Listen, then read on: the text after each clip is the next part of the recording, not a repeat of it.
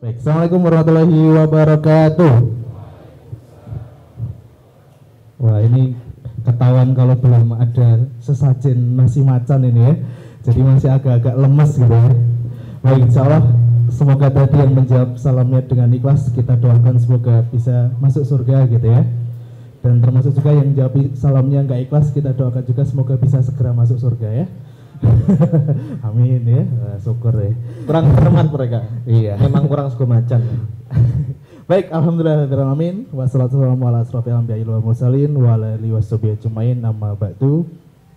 Puji syukur mari kita panjatkan kepada Allah Subhanahu wa taala yang telah memberikan rahmat dan hidayah kepada kita sekalian sehingga kita semua dapat berkumpul pada kesempatan yang berbahagia di sore malam hari ini yang insya Allah dipenuhi rahmat dan berkah dari Allah Subhanahu wa taala. Amin ya. Salam dan salam semoga selalu tercurahkan kepada junjungan Nabi kita Nabi Muhammad Sallallahu Alaihi Wasallam beserta para keluarga, sahabat dan umatnya, insya Allah termasuk kita semua hingga akhir zaman nanti. Amin ya rabbal alamin. Baik teman-teman yang dirahmati Allah, bahwa kemudian ketika kita hadir ke dalam majelis ilmu, selalu ada kabar gembira yang kemudian disampaikan oleh Rasulullah dalam hadis riwayat Abu Daud nomor 1741.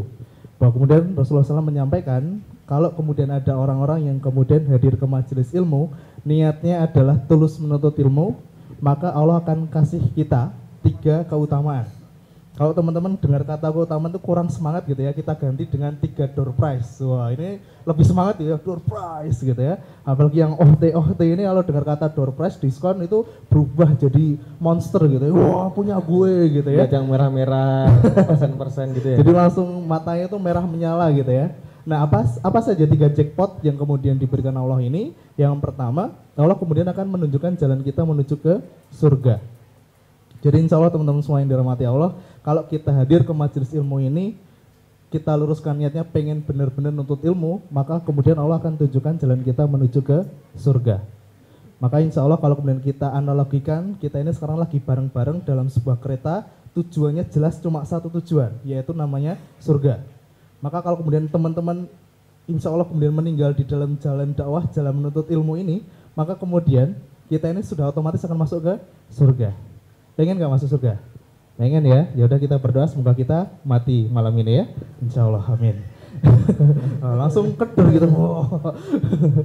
nah, ya, lalu yang kedua teman-teman yang dirahmati Allah, yang kedua adalah bahwa kemudian ketika dalam majelis ilmu, Allah kemudian akan turunkan para malaikatnya untuk kemudian hadir dan berdoa untuk memohonkan ampun buat kita semuanya.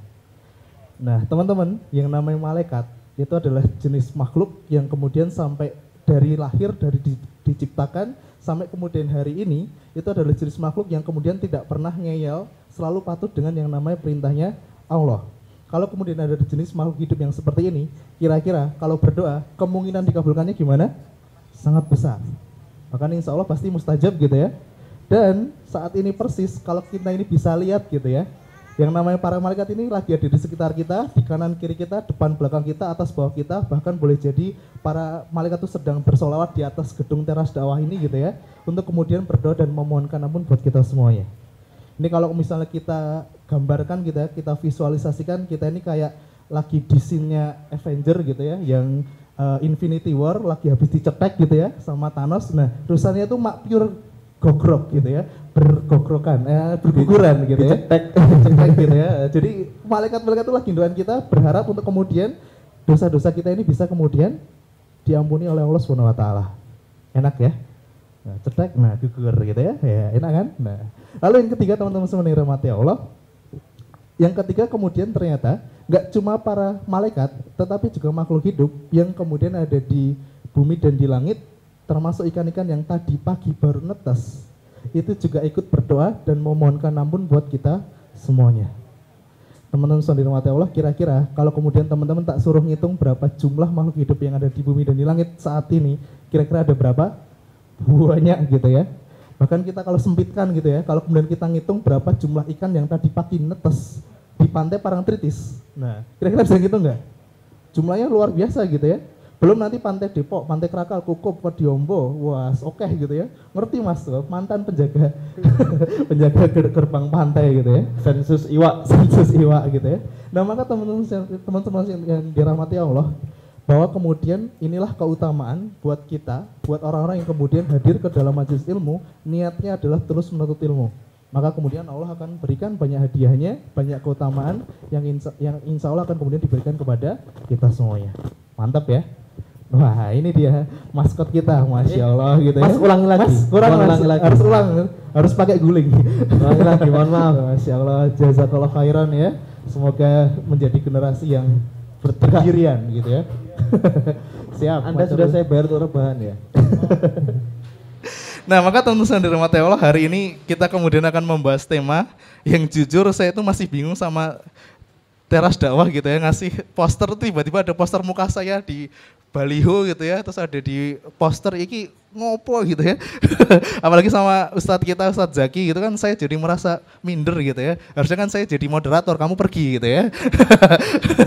Nah kan lebih enak buat saya karena nggak terbebani gitu ya. Ini tamu ngelunjak nih. ya mohon maaf gitu ya, sudah kebiasaan. nah, terus kemudian kita membahas tema yang namanya generasi rebahan gitu ya.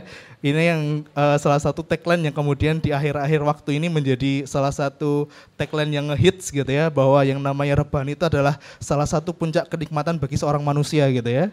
Jadi rebahan, guling-guling di atas kasur, dari habis bakdo subuh sampai menjelang zuhur itu ya, itu nikmat banget gitu ya. Nah maka teman-teman di rahmati Allah, maka buh piye carane, gimana caranya kita ubah yang namanya rebahan ini menjadi sesuatu yang memang ada manfaatnya. Jangan sampai kita ini rebahan, tahu-tahu mati, terus tahu-tahu ketemu munkar nakir, kan serem gitu ya. Nah, maka kita ini harus berpikir, buh piye carane yang namanya rebahan kita ini bisa menjadi rebahan yang bermanfaat, berfaedah, dan bisa untuk ber- berguna untuk kepentingan umat. Kayak gitu ya. Serem ya. Masya Allah gitu ya. Macam kopean gitu ya. Baik, Wah ini udah nggak perlu ya, Wah, saya udah terkenal insya Allah gitu ya. Oke, perkenalkan nama saya Alfredo Di Stefano, ini nama asli, nggak usah tanya kapan mualafnya ya. Alhamdulillah dari lahir sudah muslim gitu ya, dan mohon doanya semoga istiqomah sampai nanti maut menjemput gitu ya, amin. Terus yang kemudian saya selalu sering eh, gembar-gemborkan untuk kemudian saya ajak ke teman-teman semuanya, yuk sekarang kemudian menjadi menjadikan hobi yang di mana sekarang kita kan bahas yang namanya rebahan gitu ya. Rebahan ini sesuatu yang dikata hobi yang kemudian tidak menghasilkan sesuatu gitu ya. Nah maka saya selalu kemudian menyampaikan ke teman-teman semuanya apalagi yang generasi muda gitu ya. Bahwa kita ini punya hobi, kalau bisa hobi ini bisa menghasilkan. Nah saya selalu menulis kita yang paling bawah, yuk kita ini jadi orang yang kemudian travel writer gitu ya. Jadi yang hobinya berpiknik, hobinya traveling, yuk kita kemudian ubah hobi traveling ini menjadi sesuatu yang bermanfaat terutama bagian pendapatan. Kalau kemudian bagian pendapatan teman-teman sudah tercover dengan baik, insya Allah nanti eh, untuk kemudian berguna buat umat itu lebih mudah gitu ya. Jadi nggak perlu was-was lagi memikirkan besok harus gimana nih soal ekonomi gitu ya. Nah seperti itu. Nah salah satu yang kemudian selalu saya pengen bagikan ke teman-teman semuanya, piknik itu hari ini bisa menjadi ladang penghasilan teman-teman semuanya. Nah, kalau kemudian konteksnya dengan muslim apa rebahan gitu ya, generasi rebahan zaman sekarang, teman-teman punya hobi apa pun yang yang apa yang itu kemudian selain rebahan yang bisa digunakan buat produktivitas, silakan diseriusin. Karena hari ini semua hobi yang kemudian kita lakukan dengan serius, insya Allah itu kemudian bisa menjadi sesuatu yang menghasilkan dan bermanfaat buat kita semuanya. Kayak gitu. Nah, maka kalau kemudian ditanya mas hobinya apa gitu ya, hobinya jalan-jalan. Nah dulu saya jalan-jalan itu cuma mengeluarkan duit. Tapi 3, 4, 4 5 tahun terakhir jalan-jalan itu menjadi salah satu pendapatan saya dan menjadi apa ya, menjadi semangat untuk kemudian berbagi dengan cara yang lebih mudah kayak gitu. Kalau selama ini kita piknik itu ngeluarin duit, habis piknik itu kan seneng gitu ya, seneng karena habis melihat pemandangan refreshing. Tapi kemudian ada sisi yang lain yaitu sisi soal dompet itu kan jadi kering gitu ya. Kan kering sedih terus wah terus diem di kosan, diem di pojokan kamar, merana gitu ngapain sih saya piknik gitu ya. Kan ada ada penyesalan seperti itu kan. Nah tapi kalau kemudian kita ini menjadikan hobi itu menjadi sesuatu yang bisa menghasilkan pendapatan, insya Allah setiap kali melakukan hobi itu kemudian malah tambah semangat. Nah saya dulu jadi travel writer untuk beberapa provinsi di Indonesia sekitar 25 dan 25 negara di dunia. Dan alhamdulillah ini menjadi salah satu jalan dakwah juga. Nanti bisa lihat rekaman di YouTube-nya Teras Dakwah yang Muslim Traveler. Nah, ini promo juga ya. di situ akan kita bahas juga soal yang namanya kenapa sih kita ini bisa jadi seorang uh, traveler tapi juga bisa sekaligus buat dakwah. Nah, di, di YouTube-nya Teras Dakwah cek Muslim Traveler. Insya Allah sudah dibahas dua jam ya Masya Allah, gitu ya. Oke. Nah ini medsos saya, silakan nanti dikepo, habis dikepo jangan lupa di follow, habis di follow jangan lupa di unfollow blog report spam ya, karena nggak penting gitu ya. Terus ini moto saya, do what you love and love what you do, artinya apa? Artinya adalah dilarang merokok ya. Oke, nah teman-teman sebenarnya yang dirahmati Allah, ini yang kemudian akan kita bahas gitu ya. Kenapa sih yang namanya anak muda ini menjadi sesuatu uh, bagian rebahan ini sesuatu yang perlu kita atur, kita kemudian manage biar yang namanya rebahan kita itu enggak cuma sesuatu yang tidak menghasilkan, tapi tapi menjadi sesuatu yang memang kemudian membuat teman-teman ini menjadi produktif dan kalau kemudian sudah produktif, kita ini akan bisa berpikir, bisa bergerak untuk kemudian bermanfaat buat orang lain. Karena apa? Anak muda ini ini punya sesuatu yang sangat menarik. Anak muda itu kalau punya waktu luang, itu harus digunakan buat sesuatu yang bermanfaat, minimal itu sesuatu yang kemudian dia sibuk dengan kewajiban-kewajiban yang harus ditunaikan. Karena apa? Kalau anak muda ini nggak nggak disibukkan dengan sesuatu yang baik atau sesuatu yang minimal melaksanakan kewajiban-kewajibannya, maka anak muda akan cenderung melakukan sesuatu hal-hal yang tidak penting, apalagi nauzubillah sampai nanti hingga maksiat. Saya ulangi ya, anak muda kalau kemudian nggak diwajib, nggak disibukkan dengan hal-hal yang kemudian penting atau hal-hal yang kemudian memang menyangkut kewajiban-kewajibannya, maka dia akan disibukkan dengan hal-hal yang nggak penting. Nauzubillah cenderung malah nanti akan jadi hal yang bermaksiat. Contoh, ini teman-teman saya dulu ya, teman-teman dulu sebelum hijrah gitu ya, yang namanya anak muda, putra, rumahnya kosong, akses internet cepat. Apa yang dilakukan? Nonton gambar-gambar lucu gitu ya. ya kan? Nah, yang ketawa ini udah kelihatan gitu ya. Mantan gitu ya. Nah, karena ya itu tadi yang namanya laki-laki itu kan memang selalu mencari hal-hal yang menarik dan menantang gitu ya. Nah, maka kalau kemudian dia di rumah sendiri, kemudian akses internet cepat, wah udah pasti yang dilihat adalah sesuatu yang seru gitu ya menurut dia gitu kan. Nah, maka maka dari itu yang namanya anak muda jangan sampai kita ini kemudian kehilangan waktu-waktu produktif kita. Jadi kalau punya waktu longgar, waktu luang, silakan teman-teman bikin agenda di mana itu bisa menyibukkan teman-teman semuanya.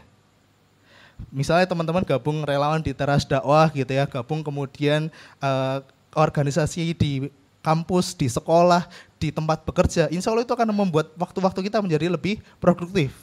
Kalau teman-teman bingung mau, ngapain ya, saya nggak ada agenda hari ini, silakan cek Instagramnya Teras Dakwah, info kajian Jogja, kajian channel, itu banyak banget hal-hal yang kemudian bisa kita lakukan selama kita ini punya waktu luang. Jangan sampai kita ini waktu luang terus bingung mau ngapain. Itu kan sering ya teman-teman kita itu bikin story, bikin update di WA, di Facebook gitu ya. Duh bingung nih mau ngapain hari ini. Nah itu kan itu menunjukkan bahwa kita ini belum terprogram hidupnya. Mau ngapain tuh nggak jelas gitu ya. Nah kalau sudah kemudian kita ini punya gejala-gejala melakukan hal-hal yang tidak penting, maka hati-hati. Kalau hal-hal nggak pentingnya sudah habis, nanti akan melakukan hal yang maksiat, bahaya. Gitu ya. Nah jadi yang namanya anak muda, yuk kita sibukkan diri kita dengan hal-hal yang minimal teman-teman melakukan hal-hal yang kemudian wajib buat dirinya.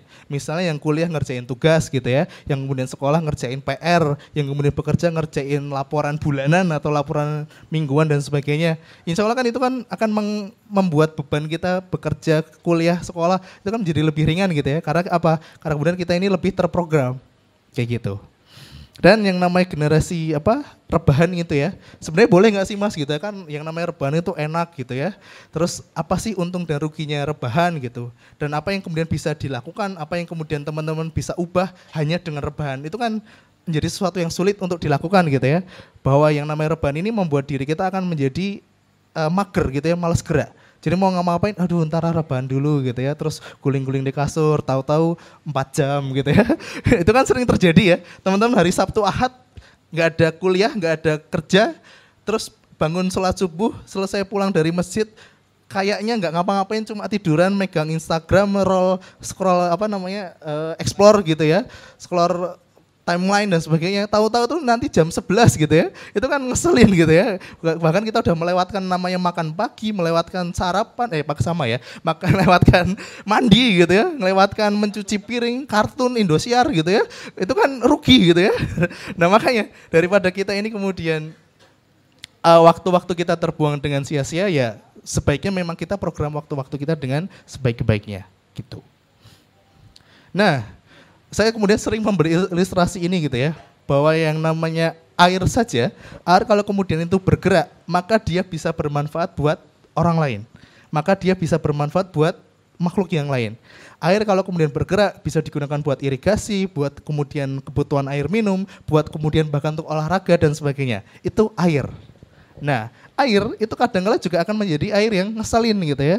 Nah, inilah air dalam kubangan. Saya mau tanya, apa fungsinya air dalam kubangan? Buat keceh mas. Buat yang hobi mencari penyakit cacingan gitu ya. Itu adalah sebuah surga gitu ya. Keceh-keceh gitu ya. Pulang-pulang uh, petungnya perutnya jadi busung lapar gitu ya. Ada cacing ada Godzilla naga gitu ya. Nah, ada kecebong gitu ya. Nah maka yang namanya air yang diem air yang kemudian cuma uh, apa namanya terjebak dalam kubangan ini saja menjadi sesuatu yang tidak bermanfaat. Bahkan kadang-kala ini menjadi sesuatu yang sangat-sangat menyebalkan gitu ya. Kalau kemudian teman-teman lewat jalan di pinggirnya terus ada mobil kenceng lewat, mak ceprot gitu ya. Itu kan menjadi merugikan buat orang lain. Sama juga. Manusia teman-teman yang dirahmati Allah, kalau kemudian manusia itu menjadi pribadi yang diem-diem saja, ada pekerjaan di rumah, ada pekerjaan di kantor, tapi dia malah memilih untuk diem-diem saja, rebahan, nggak ngapa-ngapain, maka itu menjadi satu pribadi yang sia-sia, bahkan sesekali bisa menjadi pribadi yang merugikan. Jangan sampai jadi seperti itu. Gitu ya. Nah, dan ini yang kemudian sering saya sampaikan gitu ya, bahwa kita ini jadi manusia itu punya tugas yang sangat-sangat simpel sebenarnya, tugas yang kemudian dari kita lahir sampai besok kita meninggal itu sudah ditetapkan sama Allah. Di surat Az-Zariyat ayat 56. Teman-teman tolong ingat-ingat angka 5156. Berapa? 51 56 itu bukan nomor togel nanti malam ya. itu adalah nomor surat 51 surat Az-Zariyat dan kemudian ayatnya adalah 56. Bunyinya wa ma khalaqtul jinna wal insa ila liyabudun. Artinya apa? Dilarang merokok, bukan ya? Artinya adalah maka kemudian Allah itu tidak menciptakan jin dan manusia melainkan supaya mereka beribadah atau menyembahku. Nah maka teman-teman yang dirahmati Allah, kita kemudian bisa gali, kira-kira rebahan ini bisa menjadi upaya kita untuk menyembah Allah enggak? Rebahan yang kita lakukan itu kira-kira bisa menjadi sarana ibadah kita kepada Allah enggak? Kalau kemudian kita sudah evaluasi diri kita dan ternyata hasilnya enggak, maka please tinggalkan rebahan. Insya Allah yang namanya tinggalkan rebahan itu semudah kita meninggalkan mantan. Wah, walaupun saya tahu ya, yang namanya tempat tidur itu adalah tempat yang paling besar gravitasinya di dunia ini gitu ya. Itu kan kalau kita pagi-pagi mau sholat subuh tuh kayak ketarik was wah gitu ya, kayak ada vakum cleaner segede kamar gitu ya. Itu susah bergerak buat kita gitu ya. Tapi insya Allah kalau kemudian kita ini sudah meniatkan semua yang kita lakukan untuk karena Allah, insya Allah yang namanya tempat tidur itu akan jadi gravitasi yang uh, apa yang kecil lah, yang kemudian bagi kita kita punya alasan yang lebih besar yaitu Allah Subhanahu Wa Taala, gitu ya. Oke. Nah, langsung karena waktunya terbatas ya, langsung kita kemudian lantas apa yang bisa kita lakukan agar rebahan kita bisa lebih bermakna? Wah, yang pertama, cari tahu pengetahuan tentang apa pun. Ini soal kemudian kita bisa menambah pengetahuan kita, baik secara pengetahuan agama ataupun secara pengetahuan kita sehari-hari. Atau minimal teman-teman kemudian bisa update info sesuatu tentang apa yang terjadi di dunia ini. Hari ini kita kemudian menghadapi virus corona, tahu ya corona ya. Nah hari ini kemudian pemenang Liga Dangdut siapa mas? nah, ada yang nonton ya? Saya nggak nonton, tapi saya punya teman saya yang selalu update tentang Liga Dangdut gitu ya. nah apa? Ada liganya di Indosiar ya. Pokoknya itu nggak penting lah ya. Oke. Nah, maka karena kemudian waktunya berdekatan sama tema yang kemudian sering dibahas anak muda zaman sekarang ya minggu depan gitu ya. Kita menghadapi minggu yang cukup mengerikan gitu ya. Maka teman-teman kita semua perlu belajar gitu ya bahwa yang namanya perayaan 14 Februari gitu ya. Ini menjadi sesuatu yang perlu kita garis bawahi, perlu kita kemudian edukasi teman-teman kita agar jangan sampai mengikuti bahkan ikut merayakan sesuatu yang bahkan sejarahnya itu cukup mengerikan. Nah, bahwa yang namanya Valentit gitu ya, harus disensor ya, daripada tidak yang nyensor, biar saya nyensor, Valentit gitu ya. Itu sebenarnya itu dimulai dari kemudian perayaan yang disebut sebagai Pagan Lupercalia. Pagan Lupercalia ini adalah perayaan untuk kemudian penyembahan kepada dewa kesuburan pada zaman Romawi. Dewanya namanya dewa Lupercus. Nah, ini dewa simbol dewa kesuburan. Nah, dulu kemudian dilakukan event, wah event gitu ya, mingguan dari tanggal 13 sampai 18 Februari, puncaknya pas 14 Februari untuk melakukan aktivitas yang berkaitan dengan kesuburan. Kesuburan tahu ya, bukan kemudian menyiram tanaman ya. Tapi berkaitan dengan hal-hal yang begituan gitu ya. Nah, ini nanti juga merupakan persembahan kepada dewa yang disebut sebagai dewa Juno alias dewa Hera. Ini juga simbol tentang yang namanya seks dan juga yang namanya uh, kesuburan dan sebagainya. Nah, kejadian ini kemudian berlangsung selama beratus tahun gitu ya. Bahkan akhirnya kemudian diresmikan oleh gereja, kemudian oleh Paus Gelasius pada tahun 496 Masehi sebagai hari untuk kemudian uh, ini menjadi sarana dakwahnya mereka dulu, kayak gitu. Jadi dulu tuh embel-embelnya adalah ini adalah hari kasih sayang. Hari kasih sayang nanti puncaknya ya gitu gitu ya. Jadi ya gitu gitu ya serem ya pokoknya gitu ya pokoknya bukan menyiram tanaman gitu ya nah lalu kemudian maka istilah ini yang kemudian disebut sebagai Valentine Day, Valentine Day gitu ya. Dan kemudian dikaranglah cerita tentang yang namanya Saint Valentinus. Jadi Saint Valentinus kalau teman-teman cari di Google, itu kemudian sampai hari ini juga menjadi tema atau kisah yang uh, kebenarannya sendiri juga masih diperdebatkan ini Saint Valentinus itu siapa dan sebagainya. Kalau kemudian pernah disebutkan cerita bahwa ini seorang yang kemudian menentang Kaisar Romawi dan sebagainya, kemudian uh, apa namanya sangat-sangat mempopulerkan kasih sayang dan sebagainya. Itu kemudian sampai hari ini di Google itu juga sumber berita yang masih uh, tidak jelas. Jadi masih simpang siur. Maka kemudian pada tahun 1969 Masehi, kemudian gereja melarang yang namanya Valentine Day ini, tetapi itu kemudian sudah menjadi sebuah keterlambatan yang luar biasa karena ini sudah mendarah daging dan menjadi kebiasaan di masyarakat bahkan tersebar hampir ke seluruh dunia. Efeknya apa teman-teman semuanya? Ternyata cukup serem gitu ya. Bahwa terjadi lonjakan hubungan di luar pernikahan di Eropa, di Amerika dan hampir di seluruh dunia Bahkan kemudian di 14 Februari di Inggris dan juga di US itu kemudian sangat populer dengan istilah National Condom Weeks dan juga National Impotence Day. Ini menjadi hari di mana uh, semacam seks itu dilegalkan, yang penting pakai pengaman. Nah ini juga salah satu promo yang kemudian sering disampaikan juga ketika di daerah kota besar seperti Jakarta gitu ya bahwa yang dikom, apa dikampanyekan tuh bukan soal nggak boleh seksnya tetapi yang penting seks itu boleh tetapi pakai pengaman. Itu kan propaganda yang serem banget gitu ya. Maka kemudian kita akan berpikir wah ya ya udah deh yang penting aman gitu ya. Padahal yang jadi masalah itu bukan soal aman atau enggaknya. Yang jadi masalah adalah seksnya itu yang kemudian ilegal gitu ya. Yang dilakukan kemudian tanpa melalui ikatan pernikahan. Itu kan serem gitu ya Nah akibatnya juga serem gitu ya teman-teman semuanya. Pada data tahun 2006, mohon maaf ini agak kurang update ya, sekarang udah 2020 gitu ya. Nah bahwa kemudian disurvei di beberapa pelajar gitu ya, beberapa pelajar ini ratusan gitu ya, bahwa kemudian yang namanya pelajar di Indonesia hari ini itu kemudian sudah banyak yang melakukan hubungan di luar pernikahan. Itu persentasenya sampai segede itu. Saya harap pribadi gitu ya, persentase ini hari ini turun gitu ya karena udah dinikahkan. Wah gitu ya. nah maka ini kemudian menjadi perhatian kita, jangan sampai teman-teman kita, adik-adik kita di luar sana menjadi orang-orang yang kemudian ikut meramaikan, bahkan ikut merayakan acara-acara yang demikian. Gitu ya. Nah ini ya, yang serem juga.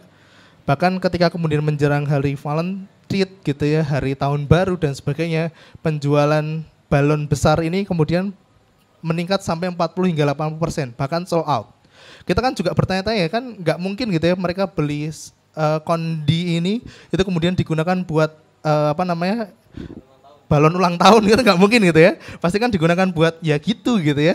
Nah maka ini yang menjadi perhatian kita kita juga bingung kenapa kemudian ini bisa sold dan nggak mungkin kalau kemudian digunakan bukan untuk seperti itu gitu kan. Kan nggak mungkin mereka beli itu terus itu menjadi bahan taruhan untuk main monopoli kan nggak mungkin ya. Kan pasti ya kayak gitu gitu ya serem pokoknya. Nah bahkan uh, segel tutup botol itu ngasih pesan kepada kita gitu ya. Mawar dan coklat itu memang nggak bahaya, tetapi ekspresi berlebihanmu setelah menerima barang-barang tersebut itu yang sering cowok bilang kesempatan. Nah ini pesannya kepada para OHT-OHT gitu ya, para adik-adik kita yang putri. Sebenarnya mawar dan coklat itu nggak berbahaya gitu ya, tapi ketika anak-anak kecil SMP, SMA, kuliah awal gitu ya, ketika menerima hal seperti itu kemudian wah lucu banget gitu ya. Terus cowok-cowok itu akan yuk kemudian kita main gitu ya, main nyiram tanaman gitu ya. Eh, pasti kan itu menjadi salah satu jalan setannya mereka gitu ya untuk kemudian menggoda yang namanya para wanita dan sebagainya kayak gitu. Nah, bahkan di Wah ini nggak ada plastiknya ini. nah biasanya kalau kemudian kita lihat-lihat ditutup botol gitu ya, itu kan sering diterima tulisan gitu ya. Jangan diterima apabila segel telah rusak atau terbuka. Ini kan sebenarnya menjadi perhatian yang sangat kuat sekali bahwa untuk sekedar apa untuk sekedar urusan minum saja kita ini jangan sampai menerima kalau kemudian segelnya rusak. Apalagi besok dalam urusan memilih jodoh teman-teman semuanya. Itu kan krusial banget gitu ya. Dan makanya event yang namanya Valentine ini kan menjadi salah satu yang harus kemudian kita jaga diri kita jaga teman-teman kita jaga adik-adik kita. Jangan sampai kemudian sampai terbuka segelnya hanya gara-gara satu hari yang dianggap itu spesial. Kayak gitu. Sepertinya kita cukupkan dulu ya. Karena kemudian kita sudah memasuki azan isya kita break dulu. Gitu ya. Oke Nah ini terakhir gitu ya, udah nggak zaman Valentine tuh beraninya memberi coklat dan mawar, berani nggak 2020 memberi buku nikah dan nafkah? Yes. Ngoco bro, ngoco. Itu tutup gitu botol ya. mana ya? tutup botol buatan saya. Baik, terima kasih. Insya Allah itu uh, sebagai pembuka, sebagai generasi anti-anti rebahan ya. Semoga ini menjadi uh, apa namanya penyemangat buat kita semuanya, menjadi pengingat buat kita dan agar kemudian kita ini menjalani jalan yang lurus insya Allah jalan yang kemudian memang akan membawa kita menuju ke surganya Allah Subhanahu Wa Taala. Amin, amin ya Rabbal Alamin. Terima kasih. Assalamualaikum warahmatullahi wabarakatuh. Waalaikumsalam warahmatullahi wabarakatuh.